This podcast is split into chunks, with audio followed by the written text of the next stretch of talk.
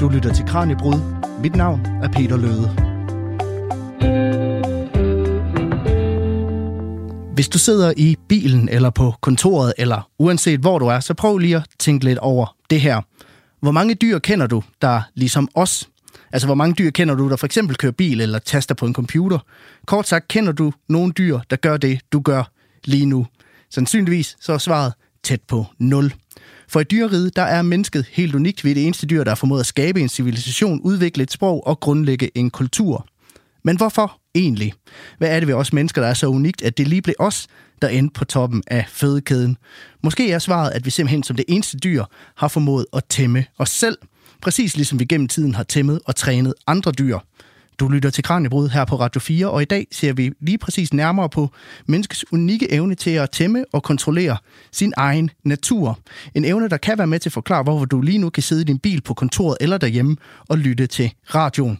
Vi er ganske enkelt den mest avancerede dyreart på planeten. Så til dig er der kun at sige velkommen til programmet, og tak fordi, at du lytter med. Lytter til Radio 4. En anden, jeg kan byde velkommen til, det er dig, Thomas Tavler Brab, med art i litteraturvidenskab og forfatter til bogen. Jeg står med her, Menneskedyret, der udkom den 20. september. Tak fordi du vil gæste Kranjebrud i dag. Selv tak, fordi jeg måtte komme. I den her bog, der dykker du ned i hele den her proces med, hvordan vi som mennesker gennem flere tusind år simpelthen har tæmmet os selv, præcis som vi har tæmmet alle mulige andre dyr. Altså. Og det gør du ved at tage udgangspunkt i at sammenfatte noget af den førende forskning på området. Altså, hvad, hvad var det, der fik dig til at kan stå og skrive den her bog? I virkeligheden går tankerne bag den her bog meget lang tid tilbage. Øh, tilbage til min første bog, jeg udgav, der hed Dyrenes Historie, som nu snart øh, for 15 år siden, som handlede om dyrenes rolle i øh, kulturhistorien. Altså hvordan vi er blevet påvirket af, øh, hvordan vi har brugt dyrene, og dyrene har været en forudsætning for, at vi kan opbygge vores samfund. Og det var den forbindelse, jeg faldt over den her teori første gang om, at der er nogle ligheder mellem tamdyr og mennesker, som peger på, at vi har været igennem en proces, der minder om det, vi så at sige har udsat de andre tamdyr for. Og du har skrevet flere bøger også, blandt andet om dyr, om mennesket og om hjernen. Altså, hvad er det, der sådan fascinerer dig ved den her menneskelige eksistens? Altså helt grundlæggende er det, som ligesom har fået mig ind på det her øh, overordnede, det er øh, den her interesse i at forstå, hvad vi er for nogle sære snegle os mennesker. Øh, og det, der fik mig interesseret i hjerneforskning, var, at på det tidspunkt, jeg begyndte at interessere mig for det, skete der en kraftig udvikling inden for hjerneforskning med hjernescanningsteknologi, og man begyndte at bevæge sig ind på nogle af de områder, man sådan traditionelt har angrebet på andre, måske mere humanistiske måder. Og jeg synes, de to ting kunne berige hinanden, og det er sådan set det, jeg så har arbejdet med lige siden. Men hvor kommer den her fascination så fra? Altså, hvorfor er det vigtigt at søge svar på nogle af de her større spørgsmål? Altså, jeg synes altid, det er enormt fascinerende at blive klogere på, hvem vi er, og hvordan verden den ser ud. Øhm, og jeg synes, at øh, det her med at prøve at bruge mange forskellige indgangsvinkler til at forstå os mennesker. Ikke bare sætte sig i en krog og forsøge at filosofere sig frem til, hvordan vi er, eller sætte sig i en anden krog og forsøge bare at måle på nogle enkelte parametre og prøve at finde ud af, hvem vi er, men prøve at tegne sådan det store billede. Og det synes jeg passer meget godt ind i den rolle, jeg også har som videnskabsformidler, og prøve at sammenfatte nogle af de her tråde til sådan et samlet billede af, hvem vi er som mennesker. Jeg får prøve at fortælle lidt om arbejdet med den her bog Menneskedyret, fordi du er jo du er med art i litteraturvidenskab. Altså, hvordan har du kunne bruge ja. det i arbejdet med den her ja, bog? Ja, fordi for at følge tråden op for før, så min interesse startede med det her med, hvordan dyrene er blevet brugt øh, i kulturhistorie, men også ikke kun sådan, hvordan de har lagt det materielle grundlag, men også hvordan de sådan åndeligt, spirituelt har spillet en rolle i den måde, vi opfatter os selv på, hvordan vi har brugt dyr som billeder og metaforer for mennesker osv. Det har været sådan en del af den her tråd. I arbejdet så med at øh, bredt og tværvidenskabeligt at prøve at forstå det her menneske, dyr og øh, med hjerneforskning osv., der er jeg så i de senere år begyndt gentagende gange inden for vidt forskellige områder og støde på den her teori igen og igen. Og det er den der, øh, det der, at jeg har mødt både inden for sprogvidenskab, inden for antropologi, inden for forskellige områder af den her udforskning af mennesket, at det her dukket op igen og igen. Og så skete der det for nogle år siden, at øh, der synes jeg simpelthen, at det her var så udbredt på så mange felter, øh, at nu var det på et tidspunkt at forsøge at sammenfatte og prøve at fortælle den samlede historie. Ja, hvis man kigger i kildelisten, og hvis man læser bogen igennem, så er der, der du refererer til kilder fra naturvidenskaben, fra litteraturhistorien til øh, antropologien osv. Altså, hvordan, hvordan var det at arbejde med så mange forskellige videnskabsfelter? Altså det virker, øh, måske kan virke meget voldsomt, men det er jo i virkeligheden lidt en sammenfatning af, at jeg netop har haft en interesse for inden for så mange områder. Øh, og det er derfor noget, jeg har gjort i mange år. Øh, både, altså kan man sige, i, i, i en fælles front, øh, så, som i denne bog, men også ved, at jeg har skrevet nogle bøger, for eksempel den hjerne, der har været ret specifikke forskelle mellem menneskehjerner, dyrehjerner osv., som så har ledt op til noget af den viden, som jeg så bruger i nogle af kapitlerne i bogen her. Ikke? Og nu nævnte jeg det her med kildelisten. Altså, hvad er det primært for nogle kilder, du så har trukket på i arbejdet med bogen? Altså, det, det jeg primært arbejder med, det, det er jo det, man kalder primærlitteraturen, altså videnskabelige artikler, hvor øh, forskere direkte har studeret enkelte aspekter af det her, det her med selvtæmning og den menneskelige selvtæmning, hvad det er for en størrelse, hvordan det har givet sig udslag. Og det er jo så kilder, der rækker fra neuroanatomi, genetik, sådan på den lidt hardcore videnskabelige side, kan man sige, til antropologi og sprogvidenskabelige kilder øh, i den anden ende, som sådan briger hinanden på kryds og tværs i forhold til det her emne. Ikke? Og hvad er det for en, hvad kan man kalde en brik eller en nøgle, som den her selvtæmningsteori, den så ligesom kommer med i forståelsen af den menneskelige tilværelse? Det, det som jeg synes er fascinerende er, øh, faktisk i min forrige bog, det som også var en ordentlig mursten, der prøvede jeg netop at, at bruge den moderne hjerneforskning, andre dele af naturvidenskaben, til sådan at prøve at forstå lidt om, hvem vi er som mennesker, altså det menneskelige. Og det, der går op for en, når man arbejder med det der, det er, at det strider i alle mulige retninger. Øh, der er en masse, når man snakker om, hvad gør os specielle? som vi lidt, du lidt indledte med, at vi er jo helt specielle. Hvad er det gør specielt? Der er tusindvis af forskellige bud.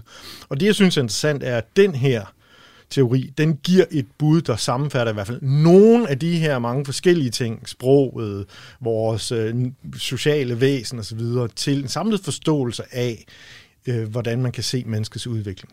Og hvad håber du så, at hvis man læser bogen, man tager, man tager med derfra?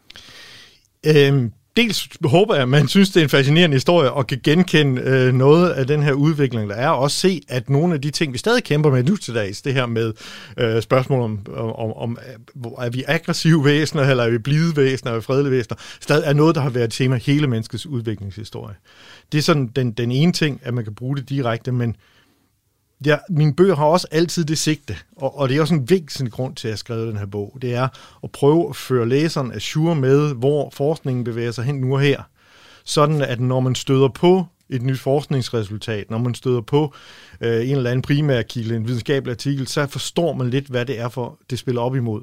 Altså fordi nogle gange er den her populære videnskabelige forståelse af, hvad vi er for nogle størrelse, den halter nogle gange lidt bagefter.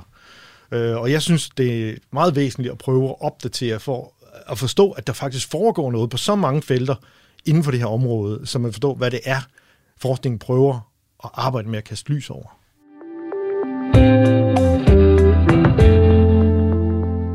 Jeg kunne godt tænke mig, at vi prøvede at zoome lidt ind på, hvordan den her selvtæmningsproces, den så rent faktisk er foregået over mange tusinder år. Altså, hvordan vi som mennesker har formået at tæmme vilddyret i os, hvis man kan sige det på den måde, og blive til dem, vi er i dag.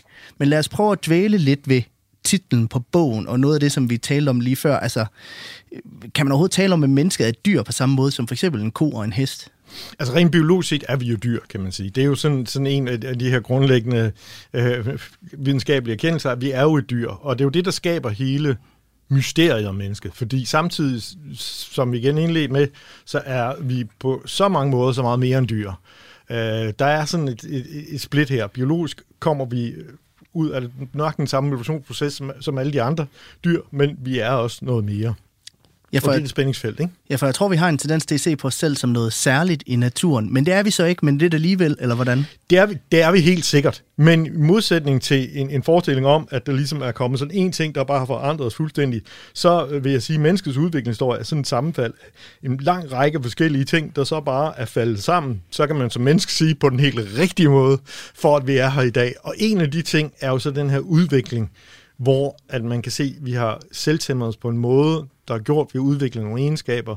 Vi ser paralleller til hos andre samdyr, samdyr, men så kommer det udtryk på en helt anden måde i det menneskelige væsen. Ikke? Ja, når du så siger, at vi har tæmmet os selv, altså hvordan er det helt konkret foregået? Fordi vi har vel ikke gået med pisk og gulerod over for hinanden? eller Nej, øh, det, det er der så nogle helt specifikke teorier for, som udspringer fra antropologien. Særligt en antropolog ved navn Richard Wrangham har sådan været bannerfører for den her teori om menneskets selvtæmning i forhistorien.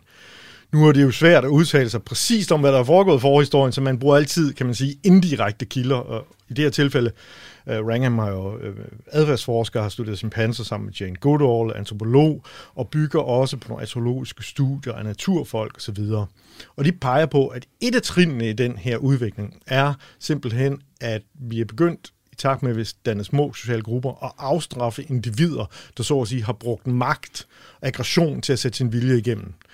I takt med, at vi er blevet klogere og kunne tale sammen og lægge planer sammen, har man kunnet danne alliancer, som har kunnet ligesom øh, neutralisere den her fysiske overmagt, som tidligere, som også hvis man stadig ser hos chimpanser, er så vigtig mange steder i naturen. Så der er faktisk lidt pisk og gulerod i det, når du siger, at vi har afstraffet dem, der rent faktisk var aggressive i, i, i flokken. Det er sådan lidt et paradoks, når man ser på, på, på den måde, det fremstilles, og, og, og som det peger på, at det er foregået nu, det er, at det faktisk er foregået jo gennem en form for aggression. Men, men Rangham og andre beskriver det som, at det er sket et skred i, hvad det er for en form for aggression, i modsætning til det, man kalder en reaktiv aggression. Altså, jeg bliver hissig, jeg skal bestemme, jeg har, jeg har magt, så nu kommer jeg bare og slår oven i hovedet, nu skal jeg gøre, som jeg siger.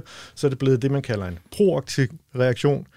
De andre hanner i gruppen måske sætter sig ned og siger, Børge derude, han er altså ude på ballade det tror jeg altså ikke, vi gider finde os i. Og i fællesskab er de så i stand til enten direkte at afstraffe, ligefrem slå øh, despoten ihjel her, eller øse udstøde øh, den her tyran for gruppen, hvilket jo, hvis man forestiller sig, at man lever på den afrikanske svanden i forhistorien, også kan have haft præcis den samme effekt. Men hvad med, hvad med det modsatte så? Altså, kan, kan vi også have belønnet dem, der så rent faktisk bidrog til, til gruppen? Ja, fordi det er jo netop det. Sådan noget foregår aldrig i isolation. Øh, og ligesom der er det her, kan man sige, lidt aggressivt spor, der handler om, hvordan man har tøjlet den her aggressivitet, som man jo tit titerer dyreriget og også tit opfatter som, som dominerende i dyreriget.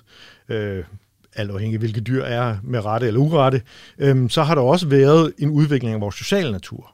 Altså i takt med, at øh, de her små grupper, de er blevet, det er blevet mere og mere vigtigt at kunne overleve sammen i gruppen og samarbejde, så har der også sket en ændring, sådan at udvælgelsen handler mere om, hvem der kan begå sig i den sociale gruppe, end hvem der kan overleve på egen hånd ude på savannen, fordi det har været så pokker svært at klare sig selv. Så på den måde har der været sådan et skift, man snakker om den sociale hjerne lige frem, vores hjerne har udviklet sig for at kunne håndtere al den her sociale komplekse, det kom, sociale komplekse samliv, som opstod i de her tidlige menneskegrupper. Så man kan sige, at øh, når, når vi både belønner dem, der gør det godt, og dem der og straffer dem, der gør det øh, noget, noget, vi ikke vil have. Altså det lyder som om, vi har ikke så meget tæmme os selv, men tæmmet hinanden på en eller anden måde? Det er det jo også. Altså, når man siger, at mennesket har tæmmet sig selv, så er det jo, fordi vi som art har tæmmet sig selv. Det, er, det andet har faktisk også, hvis vi nu skal tage den, øh, jo så på en måde næste skridt. For det, der sker, når man er udsat for en, en, en så, stærkt, så stærkt tryk for at passe ind i gruppen, det er jo også, at der bliver et stærkt tryk for at kunne undertrykke sine egne impulser. Altså man lærer også øh, at skulle have en større hjerne for selv at holde alt det her nede, som vil blive illeset i forhold til resten af gruppen. Så på den måde har den her fælles tæmning, vi tæmmer hinanden, jo også ført det, man kunne kalde den individuelle tæmning, at vi bliver bedre og bedre til at styre vores egne impulser i sådan en social situation, hvilket vi mennesker jo generelt over sådan en bred kamp er forholdsvis gode til. Og nu nævnte du det her med den sociale hjerne. Altså, vi er jo et af de eneste dyr, der har et sprog. Altså, hvilken rolle har det betydet, det her? Altså sproget er sådan en, en øh, lidt sjov fætter, fordi man kan sådan mere eller mindre spore, øh, det er i hvert fald de her øh, teorier, der, der inden for sprogforskningen støtter op om, om menneskets selvtæmning. Der kan man se sådan en udvikling i, hvordan sproget udvikler sig fra først til at være sådan en måde at kommunikere på. Vi kan aftale, at vi i fællesskab gør noget, og det betyder, at individets individuelle styrke ikke længere betyder så meget. Det handler om at kunne komme overens, til at sproget jo bliver mere og mere avanceret til at vi bliver i stand til at formulere, formulere tanker, vi bliver i stand til at formulere visioner, sådan at vi kan skabe en fælles forestilling om også, hvad der er det rigtige at gøre, eller hvad vi for eksempel måske i fremtiden ønsker, øh, sådan at vi kan danne baggrunden for den her verdensbyggertradition, som vi mennesker jo har i modsætning til andre dyr. Men alt det her med afstraffelse af, af dem, der ligesom går uden mm. for dynamikken, og, og belønne dem, der så bidrager til dynamikken, altså det lyder jo som, som om man nærmest kommer i fængsel, og man belønner dem, der bidrager til samfundet. Altså fortsætter den her tæmningsdynamik stadigvæk den dag i dag? Det er faktisk noget, øh, der diskuteres øh, inden for forskning, om man kan. Altså der bliver gensat igen og igen fremsat sådan teorier om, at i princippet er det her øh, princip fortsat også op i historisk tid. Det er bare lidt svært at afgøre, fordi hvor man kan se altså vi skal tænke over, forhistorien var over adskillige 100.000 af år, hvor man kan se, at det jo har sat direkte spor i, hvordan vi er som biologiske væsener. Så kan man stille et stort spørgsmålstegn ved, om kulturen, hvad det angår, er hvad skal man sige, radikal nok til, at det vil kunne sætte sig det samme spor i et menneskeligt væsen, der i forvejen har udviklet den her sociale natur. Så det er nok tvivlsomt, vil jeg sige. Det er i hvert fald ikke noget, jeg vil stå på mål for, øh, at lige præcis den her del af menneskets selvtæmning har fortsat op i historisk tid. Men er der andre dyr, der så på samme måde som mennesket lykkes med at, at tæmme sig selv i en eller anden grad? Altså, for det første, det, det sjove lidt, at det netop ikke, i hvert fald ikke i, i det scenarie, vi har her, for hvordan menneskets udvikling op til det moderne mennesker forløb, at det er noget bevidst, at det ikke er noget, man har gjort for, at vi skulle blive. Og den bevidsthed mm. har man med meget stor sandsynlighed ikke haft. Man har gjort det naturligvis for, for de nære at oprette ro i gruppen osv. Så, videre. så det er sådan en, en, en ubevidst form for tæmning af sig selv. Og der kan man jo se faktisk blandt vores nærmeste familier, vi ser nogle pangdanger til det her med, i hvert fald med nedsat aggression og øget øh, social adfærd, hyposocial adfærd ved bonoboerne, som jo sammen med chimpanserne er vores nærmeste familie. Det er det, der hedder en dværgchimpanse på dansk også, tror jeg. Ja, det, det kalder man en dværgchimpanse, som skriver bogen, og det er også det er sådan lidt et spøjs navn, fordi så, så meget mindre er de altså heller ikke. Øh, men ja, det er det, man kalder en dværgchimpanse også. Og de udgør jo sammen med chimpanser de her to udviklingsveje fra vores fælles forfædre.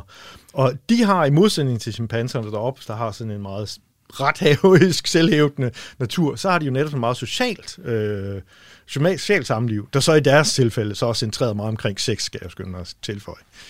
Og, og hvordan kan man så se, at de også øh, på, den, på den måde tæmmer hinanden, hvis man går ud af den dynamik? Jamen det man kan se er, at øh, omfanget af aggression blandt bonoboerne er meget lavere, for eksempel end hos den almindelige chimpanse, og mange af de øh, kan man kalde det, krise-konfliktsituationer, der opstår, de løses simpelthen med gensidig, altså gensidig seksuel adfærd simpelthen.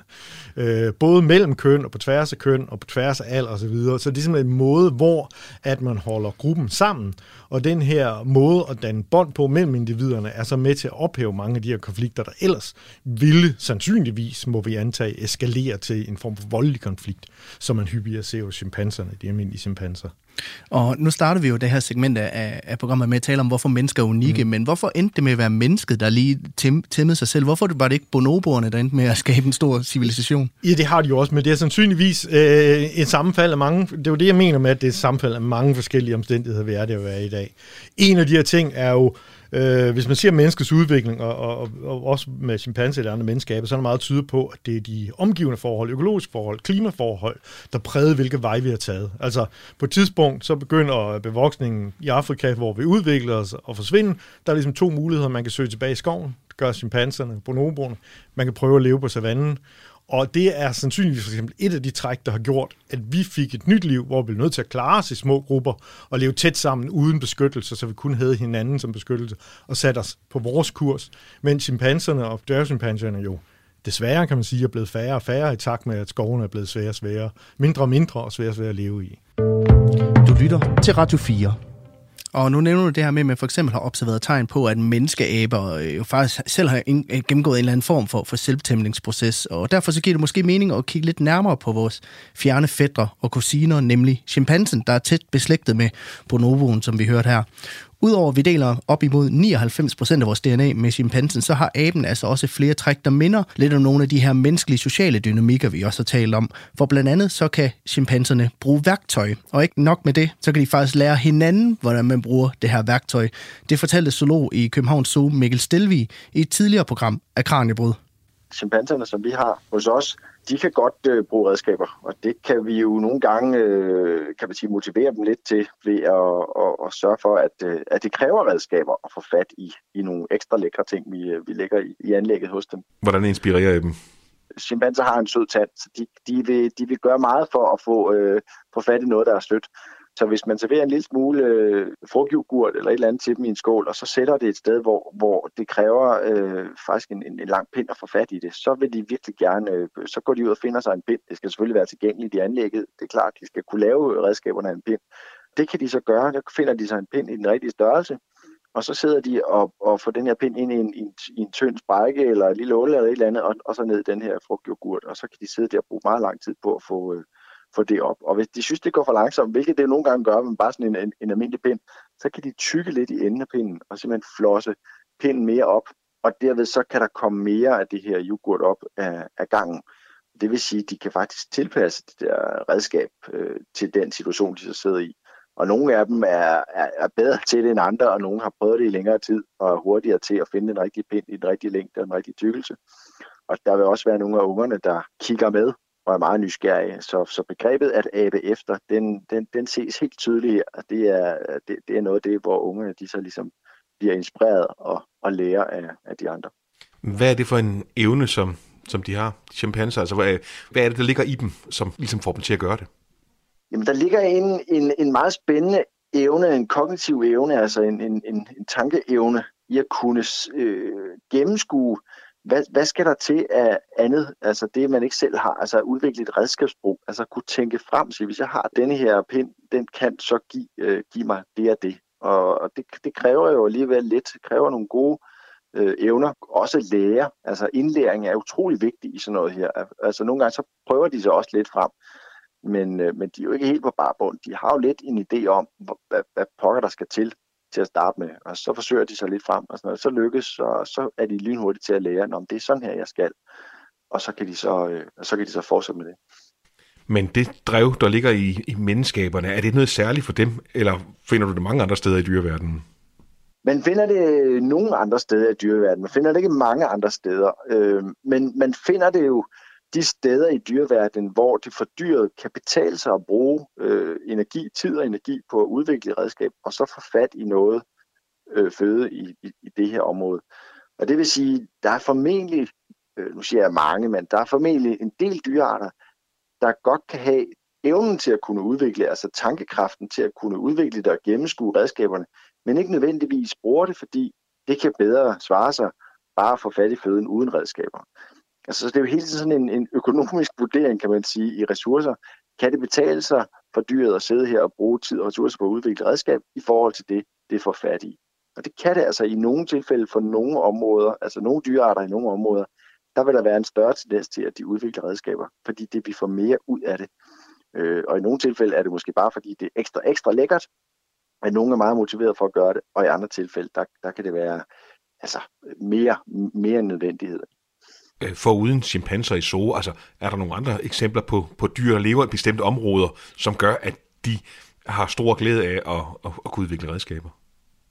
Ja, det er der øh, faktisk så lidt sjovt. Vi tænker det ofte som, som menneskaber, som de kloge, og, og, og fuglene måske som, som dem, der ikke altid er så kloge. Men der er en gruppe fugle, specielt de her kravfugle, altså, som er rigtig gode til det her.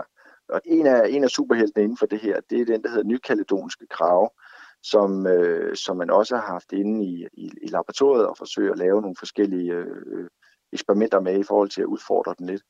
Og den er virkelig hurtig til at kunne tilegne sig det her med at udvikle redskaber også, altså kunne, kunne tilpasse redskaber til det, den nu skal have fat i. Det er jo typisk noget som et fødeemne, som gemmer sig inde bag et eller andet, eller de skal skarpe noget op, eller der, der skal, man skal have en, en, en lang pind med en krog i, eller et eller andet, for at komme ind og få fat i noget og hive det ud igen. Og det kan man gengive i laboratoriet, og så give de her kraver forskellige udfordringer. Og der er det rigtig spændende, fordi de formår faktisk at vælge værktøjer efter øh, efter situationen, skal der en lille krog på, og hvor meget skal krogen være, og hvor meget skal den bøjes for at kunne give dem et stykke stoltråd for eksempel, så kan de bøje det, så det passer til, til det emne, de nu, fødeemne, de nu skal have fat i. Og de kan også vælge længde på det, eller vælge den rigtige i forhold til, hvor, hvor, hvor langt ned de skal have fat i de her fødeemner.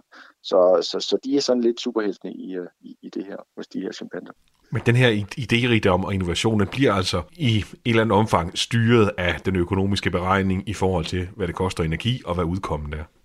Ja, det vil det, det, vil det gøre. Det er, jo, det er jo evolutionen har sørget for igennem mange millioner år, at de evner, som de forskellige dyr udvikler, det, det gør de jo, fordi der er en, en, øh, en fordel i det, og det vil hele tiden, eller oftest er det jo netop den her ressourcefordel, at hvis du får lidt mere end nogle andre, jamen så, øh, så har du det bedre, og så får du flere unger, og så, og så udvikler den her, den her evne sig. Et meget sjovt eksempel er faktisk, øh, det er kun observeret få gange, så, så, men, men alligevel en gorilla, der, der bruger en pind for at finde ud af, hvor, hvor dybt vandet er ude i den, øh, den flod, den skal krydse, for at være sikker på, at den ikke falder i. Øh, og, og det er jo, altså, det kan, der kan man jo ikke snakke om madressourcer, men man kan snakke om, om ressourcer, om at bevare øh, livet i behold, så man ikke drukner. Øh, så, så på den måde er det, jo, øh, er det jo rigtig, rigtig smart. Og det var altså min kollega Kasper Fris, der havde talt med Mikkel Stelberg, der er zoolog i Københavns Zoo. Og Thomas, nu hører vi jo nogle eksempler her på nogle intelligente dyr, i hvert fald, der ja. har formået at, at lave værktøj. I hvor høj grad hænger det her med selvtæmning og intelligens sammen? Jamen, det, det som jeg faktisk synes er rigtig spændende her, det er fordi, at chimpanser og andre menneskeaber er jo faktisk højt intelligente dyr, og det samme er de, de fugle, øh, som, som man omtaler her. Noget af det, som, som ansporede sådan den her selvtæmningsteori inden for psykologien, var jo netop, at man bemærkede, at selvom chimpanser er højt intelligente, så var de faktisk dårligere til at afkode for eksempel menneskelige øh, blikretning og videre, altså hvad vi er opmærksom på at bruge det til for eksempel at få, at få godbidder, hvor man sammenlignede med hunden, der faktisk var bedre. Øhm, og den her øh, sammenligning, at socialt dyr kan overgå et egentlig mere intelligent dyr i nogle ting, på grund af, at de har en mere social forståelse for, at bestemte tegn kan bruges til at kommunikere med, var faktisk noget af det, der satte gang i udviklingen af den her udbredelsen af den her selvtæmningsteori inden for psykologien. Så det er jo tegn på, at selvom chimpanser er intelligente og egentlig vil være i stand til måske at samarbejde på det høje nu, så er de bare, det falder dem ikke lige så naturligt, som det gør for andre dyr. Så man kan måske nærmest stille op, at der er intelligens, og så er der en form for social intelligens, der, der egentlig er vigtigere. Jeg ved ikke, om man skal bruge det ord, men man kan i hvert fald sige, at en af de ting, der sker, det er, at der sker sådan en øget fokus på, at man bruger hinanden og bruger hinandens signaler til at opnå noget, som hænger sammen med, hvilken social øh, situation man ligesom udvikles under. Ikke? Og om lidt, så fortsætter vi i lidt det samme spor som før. Vi skal nemlig blive ved den her forskel mellem mennesker og dyr. Men vi skal zoome lidt mere ind på, hvordan at vi mennesker har udviklet os i samspil med de dyr, som vi så har domesticeret. Du lytter til Radio 4. Du lytter til Kranjebrud her på Radio 4, og i dag der har vi fået besøg af Thomas Tavlo Raab, der er forfatter til bogen Menneskedyret og en række andre bøger om mennesket, hjernen og evolution. Og med udgangspunkt i hans nyeste bog, der taler vi i dagens program om, hvordan mennesket som det eneste dyr på planeten har formået at tæmme sig selv, præcis som vi tæmmer andre dyr. Vi har lige talt om, hvordan det konkret er foregået, og at vores sociale evner og sprog har ført til, at vi kollektivt afstraffer dem, der er aggressive eller truer flokken på anden vis, og til gengæld også belønner dem, der bidrager. Og nu har vi hørt om, hvordan vi har tæmmet os selv, ja. og nu kan jeg til at tale om processen med, at vi så trods alt har tæmmet andre dyr også. Øh, det er vel særligt unikt for os mennesker, at vi på den måde har tæmmet andre dyr. Er det ikke? Altså, man, man finder jo også andre eksempler på, hvor man taler om øh, altså, at, at holde husdyr, øh, hvad skal man sige, myrer, der holder bladlus og så videre. Men, men den her måde, hvor vi har gået ind lige frem og præget, hvordan andre dyr er blevet, er i hvert fald i den udstrækning, det har, der er det unikt for os mennesker, og det betyder noget utrolig meget, ikke bare for de dyr, vi har tæmmet, men også i virkeligheden for vores egen udvikling. Ja, måske skal vi lige starte med at få styr på, når vi taler om at tæmme dyr og tamdyr i det hele taget. Hvad er det så, vi taler om? Ja, Altså helt firkantet kan man sige, når man snakker om tamdyr i den her sammenhæng, så taler man om domesticering. Det vil sige, det er ikke nok, at man har et individuelt dyr, man kan omgå sig og tæmme. Det er, når man har avlet på dyr, sådan at der er kommet særlige træk frem. Det er jo typisk, at man fjerner dem fra deres naturlige miljø, så de er ikke længere udsat for rovdyr og andre naturlige farer, avler typisk også på de dyr, der udviser omgængelighed, fredelighed, de er nemmest at holde under hegn, så det er meget, meget simpelt, lavpraktisk. Og så selvfølgelig produktionsdyr har man også avlet dem til at give forskellige goder, mælk osv. Det er ligesom en, en sidegeskæft i den sammenhæng. Det, som er interessant, og det, som ligesom sat gang i hele ideen om det her med, at der er en lighed mellem mennesker, som selvtæmmede dyr og tamdyr er, at dyr, man, der gennemlever sådan en proces, forandrer sig. De udviser nogle fællestræk. Altså selvom man har en gris og et får og en husmus for den sags skyld, der også udviser nogle af de her træk, så opstår der nogle ting, som konsekvens af, at man har udvalgt de mest fredelige, de mest omgængelige, de øh, dyr, der farer mindst op og så videre, de udviser nogle fællestræk. Hvad er det for nogle træk? Det er blandt andet nogle fysiske forandringer, der sker. Øh, det sker typisk med hovedregionen, der bliver fladere. Det sker med typisk med, hvis det har stående ører, så får man de der typiske hængeører eller kibører osv. Der sker nogle pelsforandringer typisk, øh, hvor der kommer nogle øh, lyse pletter i pelsen osv. Den helt arsenal af forskellige former for forandringer, som i forskellig grad er til stede hos tamdyr, der har en helt forskellig øh, altså historie for, hvordan de er blevet tæmmet. Og det mener man er et udspring af, at når man går ind og bruger det her med, at man udvælger de mest omgængelige individer, fjerner det ydre selektionstryk fra rovdyr, så sker der simpelthen udviklinger, som udviser paralleller hos forskellige dyr. Og nu vil vi tale om, at vi har tæmmet os selv, og nu hører vi så, at man, ja. der er sket nogle forandringer hos de dyr, vi har tæmmet. Altså kan man se de samme forandringer hos Det er os? jo så det, det hele det, omdrejningspunkt for det her teori, den her teori oprindeligt var. Det er sådan de her, de her ydertegn, at man også hos mennesker kan se nogle af de her øh, ligheder. En af lighederne er blandt andet, at tamdyr beholder sådan et ungt udseende og en ung adfærd længere op i alderen, hvis man kan sige om det. Og lidt det samme gælder også mennesker. Hvis man sammenligner et menneske med en chimpanse eller en bonobo, så vil vi se, øh, vi vil ligne en forholdsvis ung chimpanse. Altså vi bibeholder mange af de her træk, og samtidig vil man også kunne se, når man ser fortidsmenneskernes sådan udvikling, at vores hoved også bliver fladere, altså vi har ikke den der fremskudte kæbe osv. Der er en masse træk, der passer ind i det her overordnede schema, også hos os mennesker. Så man kan også tale om, at vi måske har udviklet sideløbende med de domesticerede dyr, eller hvordan skal det altså forstås? det, det, det, der er lidt sjovt, er, at efter vi har udløb, gennemløbet den her proces, så sker der jo det omkring typisk landbrugets indførelse her, at vi jo tager og putter andre dyr aktivt under hegn, og udvælger også i høj grad, hvem der får lov til at parre sig med hinanden. Det vil sige, at en aktiv udvælgelse af tamdyr, der passer ind i vores gram, der har gjort, at de udvikler det her træk, som vi så kunne genkende hos tamdyr. Og så efter vi har gjort det, finder vi ud af, at hovsa, det kunne faktisk være, at vi også hørte med til den gruppe, selvom vi ikke udefra i hvert fald er blevet tæmmet på den samme måde, som tamdyrene er blevet. Så kan man tale om det, når vi vælger partner, for eksempel? altså, det, det er noget af det samme, vi kigger efter. Jamen, det, hvis man kigger på forhistorien i hvert fald, er det jo ikke sket bevidst på den måde, man har været opnå noget bestemt øh, resultat, men sandsynligvis... Nej, det har ikke været et avlsprogram det har ikke været et avlsprogram, nemlig. Øh, men, men, men et udslag af, at man har valgt den partner, der passede bedst i den mest omgængelige, passede bedst ind i den sociale øh, øh, fællesskab, man nu engang skal forsøge øh, at, til at fungere osv. Og på den måde fremhæve nogle træk, der har gjort, at de andre ting følger med. De så at sige er kommet gratis på mange måder. Altså mange af de træk, der gør, at man kan påvise nogle af de her sammenhænge. Noget af det, der så er sket, kan man sige, de senere år, er jo så, at den her sammenhæng, som tidligere var på fysiske træk, hvor man jo dyr ser lidt forskellige ud. Der kan man altid diskutere, hvor meget øh, vi ligner alle tamdyr. Der er man så begyndt også at kunne se nogle spor, af de her ting på gener, man kan se det på neuroanatomi, altså på den måde hjernen, nervesystemet udvikler sig i løbet af udviklingen. Og der er man så flyttet ned på det niveau, at man så kan se nogle af de her ligheder. Men nu, nu har vi tæmmet dyrene, og vi har præget dem, og vi også talt om, de, de måske har præget os, i hvert fald i hvor, den måde, vi har udviklet os på. Mm. Men har de været med til at gøre os, har tamdyrene været med til at gøre os til mennesker? Ja, det har de. Der er det måske ikke så meget med, med selvtæmningen at gøre, man kan sige, men, men en af de ting, og det er jo også en af de ting, jeg beskæftigede mig med i min, min, min første bog, er jo det her med, at på den her overgang til historisk tid, hvor vi begynder at opbygge samfund, der er tamdyrene jo en kolossal vigtig forudsætning for, at vi kan opbygge det, vi gør. Altså hele landbrugets indførelse med øh, både de dyr, der har været nødvendige for, at vi kunne dyrke jorden, og også de dyr, vi har levet af, får og geder og køer med mælk og så videre, og heste, der har været øh, brugt som krigsmateriel osv. Alle de her ting har været med til at præge menneskets tidlige historie i en helt utrolig voldsom grad, øh, som vi måske ikke altid tænker på. Altså det er jo, vi skal langt op i nyere tid, for man kan sige, før det er det maskinelle, der tager over. Vi har jo været afhængige af dyrene, og de har jo også sat deres spor i den måde, vores samfund i hvert fald har udviklet sig på. Men hvad er forskellen på at tæmme sig selv, og så tæmme et andre, eller tæmme andre dyr? Jamen, det, den kæmpe forskel er jo, at det, vi har gjort ved andre dyr, har jo i hvert fald for landbrugsdyrenes vedkommende i høj grad været målrettet. Man har set de her dyr, man har i første omgang nok bare sat dem under hegn, fordi så er de jo netop lemmere at fange. Men så har man jo målrettet gået ud og, og avlet på, for eksempel, hvor mange æg kan en høne lægge, øh, hvor meget mælk kan en ko yde. Det kan vi jo se i det moderne landbrugssystem, hvor det ligesom er drevet til sin ekstrem. Men det startede jo sådan set allerede meget tidligt. Altså ægklækkerier kender man fra Ægypten osv. Det er jo ikke noget nyt, at man har gået efter alle de her faktorer. Så der har man målrettet gået efter nogle bestemte ting, man har avlet efter.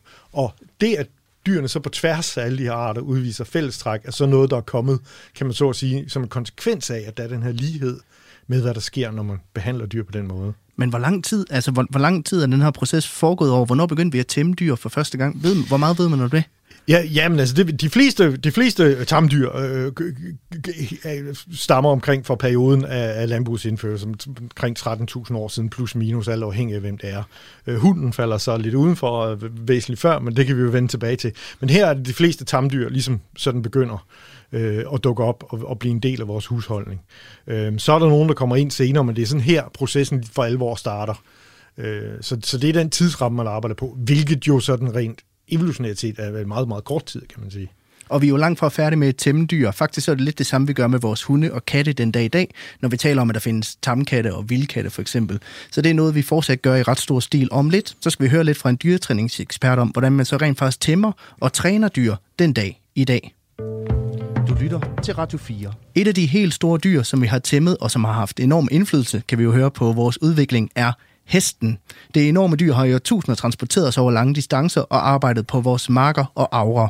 Og nu talte vi tidligere om det her med pisk og gulerod, og det er faktisk fra hesten, at det udtryk oprindeligt eksisterer. Janne Winter Christensen er lektor ved Institut for Husdyr og Veterinærvidenskab ved Aarhus Universitet, og hun fortæller, at den måde, vi træner heste på den dag i dag, i høj grad minder om den måde, vi tæmmede dem på i første omgang. I klippet, vi skal høre nu, der fortæller Janne Winter, hvordan man bruger positiv og negativ forstærkning frem for straf til at opnå en ønsket adfærd blandt dyr som hesten og hunden. Hvor der før i tiden var en tendens til at bruge hårde og smertefulde træningsmetoder til at opdrage tamdyr, træner man i dag efter lidt mere etiske principper, hvor man forsøger at undgå at skabe frygt hos dyrene. For eksempel hvis man skulle hvis man skulle tilrøde en hest, eller man skulle man ville opdrage en hund, så er det tit ved at, at slå dyrene i stedet for, og, hvor, hvor man så havde fokus på, at man skulle, at dyr skulle underkaste sig mennesker. Hvorimod, hvor man nu er skiftet mere over til at, at træne, træ, altså hvor man har indsigt i hvordan dyr egentlig lærer, og så, og så mere træner efter, efter nogle mere øh, etiske øh, principper, hvor, øh, hvor man tager hensyn til dyrets oplevelse af situationer, hvor man derfor sørger for at undgå øh, frygt og, og negativ oplevelse for dyrene. Kan du prøve at forklare, hvad er positiv dyretræning kontra negativ? Så det, jeg, så det, jeg vil kalde positiv øh, træning af dyr, det behøver ikke nødvendigvis kun at foregå ved hjælp af positiv forstærkning.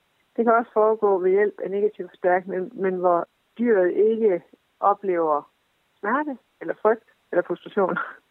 Er det den bedste træningsform, eller er der stadig nogen, der foretrækker pisk? Altså, og det er jo sjovt, den her med pisken og guleroden, fordi pisken, det er jo, det er jo straf. Det er, så hvis, man, hvis, man, hvis man pisker et dyr, så, så udsætter man for straf. Og, og straf, det fortæller kun et dyr, hvad man ikke vil have det til at gøre en, en gulerod, det er det, man kan bruge til det, jeg nævnte for positiv forstærkning, hvor man kan, hvor man kan give et dyr, et dyr en belønning for noget, man gerne vil have det til at gøre. Øhm, og hvis man, det bliver sådan en lille smule mere teknisk, men der er faktisk også noget, der hedder øh, det, nævnt, positiv forstærkning, så er der også noget, der hedder negativ forstærkning. Der belønner man også dyret, øh, men, men leder fra, ved at fjerne noget, som, som kan være en smule ubehageligt. Så for eksempel, når, når, man, når man træner med en hund, øh, hvor, man, hvor man jo ofte bruger altså positiv forstærkning i form af foderbelønninger, så bruger vi faktisk også det, vi kalder negativ forstærkning, altså hvor man fjerner et pres for at belønne en adfærd. For eksempel, hvis man er ude og gå med sin hund, og den har et halsbånd på, og man har en snor, og hunden så løber lidt i forvejen, så øges presset på hundens halsbånd, øh, øh, fordi vi holder fast i snoren. Når hunden så stopper lidt op og venter på os, så fjernes presset igen. Og den, det, det fjernelse af presset, øh, det er en lønning for hunden, for at den stopper lidt op og venter på os. så, så det er faktisk det, man kalder negativ forstærkning. Så det er jo ikke, det er jo ikke, det er ikke sådan, at, at, at negativ forstærkning er ubehageligt som sådan for dyrene. De lærer bare at reagere på det.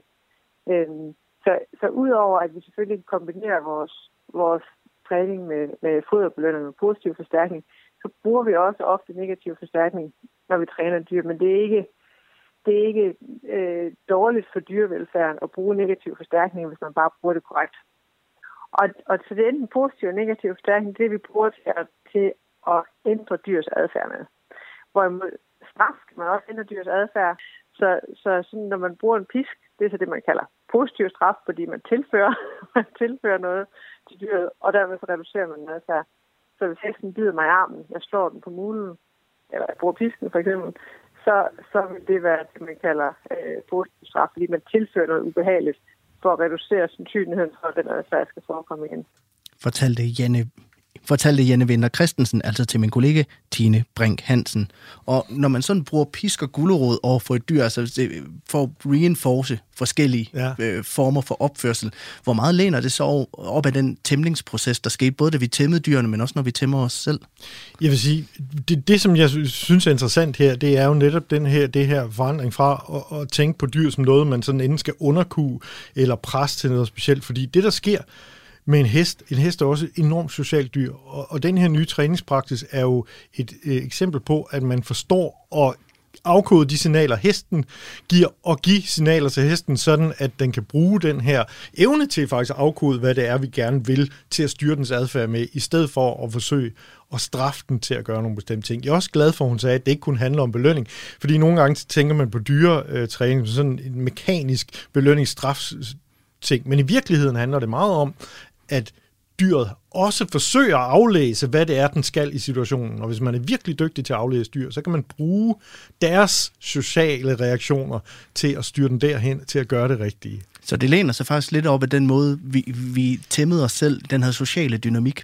Det kan man jo godt, det kan man godt snakke om på den måde, at når man snakker om at, at tæmme et individuelt dyr, så er det jo sådan et billede på den proces, der er foregået bare over en periode på flere tusind eller hundredtusind år, hvor den her interaktion har også har betydet, at de individer, der var bedre til at indgå bedre til at lære, bedre til at finde sin plads og finde ud af, hvordan man håndterer alt det her, jo også har haft en fordel. Men for hver individ har jo også ligesom skulle igennem den her bevægelse, der hedder at finde ud af, hvordan, hvad er det, jeg skal ud for den forudsætning, jeg har. Ikke? Og som vi hørte i indslaget, så er hesten jo langt fra det eneste dyr, vi har tæmmet og har et tæt forhold til den dag i dag. Et eksempel, hun også nævnte, Janne Christensen, det er jo hunden. Og øh, det leder os meget godt videre, for om lidt, så skal vi nemlig tale om vores forhold til hunden, og hvordan vi tæmmede vores firebenede kompagnoner i første omgang, eller hvordan det måske egentlig var dem, der tæmmede os.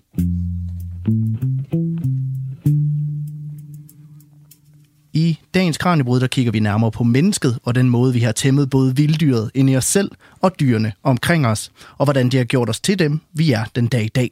Og når vi snakker om tamme dyr og mennesker, så er der nok særligt et dyr, der har haft en enorm indflydelse på vores liv, og måske ligger det på gulvet ved siden af dig lige nu, nemlig hunden.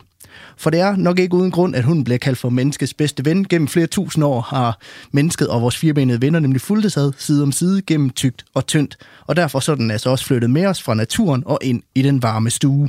Dagens gæst her i Kranjebrudstudiet er Thomas Tavlov Raab, der er forfatter og magart i litteraturvidenskab, og så er du også forfatter på bogen Menneskedyret, der udkom tilbage i september. Og nu vil jeg tale meget om, hvordan mennesket gennem tiden sådan har tæmmet sig selv. Men hvilken rolle spiller hunden i det? Altså for det første, så det her med, at, at, hunden er øh, menneskets bedste ven, eller i hvert fald hundens, eller menneskets ældste ven på den måde, det helt suverænt er det tidligste tamdyr, vi har. Og det stiller også det her spørgsmål, at hvor at de andre tamdyr opstod her med landbrugets indførelse, og dermed er det rimelig nemt at forstå, hvorfor de kom ind i, i ligningen, så har det været svært at forstå, hvordan hunden ligesom er blevet en del af vores liv, fordi den blev det så tidligt, inden at vi blev bofaste og alt det her, i hvert fald i den grad, som, som landbruget ligesom lagde op til. Og traditionelt har man jo den her idé om, at andre tamdyr, det er os, der ligesom har taget tøjlerne, og nu er det os, der kører showet. Men med hunden er der opstået, og, og det er sådan set løbende over mange årtier opstået, igen og igen teorier om, hvordan hunden har spillet en langt mere aktiv rolle i den her øh, proces, hvor hun ligesom er flyttet ind til os. En af teorierne handler om, at hundene simpelthen er begyndt at slå følge med mennesket, fordi vi havde en masse rester for, og vi havde nedlagt noget osv., og, og så har hundene kunnet tage det her bytte, tage vores rester, tage vores skraldeplads, eller hvad man nu siger det, og leve af det, og på den måde nemmere at kunne skaffe sig noget bytte, øh, i stedet for selv at skulle ud og jage. Lidt ligesom chimpanserne, vi hørte om før, der, der gerne lige, øh, hvis de kan slippe nemmere om, til, om, øh, om ved at skaffe sig noget at spise, så gør de jo det, ikke? Og nu, øh, nu talte vi om før, at man, man lidt kunne dele det op på et intelligensniveau, og så en form for social intelligens, hvad man nu end måtte kalde det. Ja. Og der virker hunden jo til at være enormt social øh, intelligent og virkelig med i den her øh, flokkultur, vi har på en eller anden måde som mennesker. Altså, hvad har det betydet noget i den her proces? Helt sikkert, og når vi i dag opfatter det her med, at hunden den er i stand til at afkode os, aflæse osv., og, og at hun er noget helt specielt, så er det jo ret tydeligt, hvorfor det er. Fordi hvis du kigger på hundefamilien blandt blandt pattedyr er hundeslægten, altså hvor hundene tilhører ulve, vildhunde osv., det er jo nogle af de mest sociale dyr blandt alle pattedyrene. De har nogle meget stærke flokstrukturer, og de har nogle meget stærke sociale bånd individer imellem. De er jo sådan små, udvidede familier typisk, de fleste de fleste medlemmer af hundeslægten. Det vil sige, at det er ikke noget overraskende, at de har en ekstremt stærk social natur, vores hunde, som jo efterkommer ulvene. Det er jo noget, hele deres familie, så at sige, er, er født med. Ikke? Og nu har vi jo talt meget om det her med, hvordan vi har, vi har tæmmet dyrene, ja. men i din bog, der, der nævner du også, at måske er hunden faktisk lidt tæmmet også. Hvad ligger der i det? Det, der ligger i det, er, at i og med, at, at det, det her følgeskab, vi har slået, det er sket så tidligt, øh, inden at vi, vi så at sige øh, begyndte at tæmme andre dyr, så kan jo hunden jo faktisk, det er jo det teorien går på i hvert fald, så hunden også kunne være med til at påvirke, hvordan vi mennesker vi har været.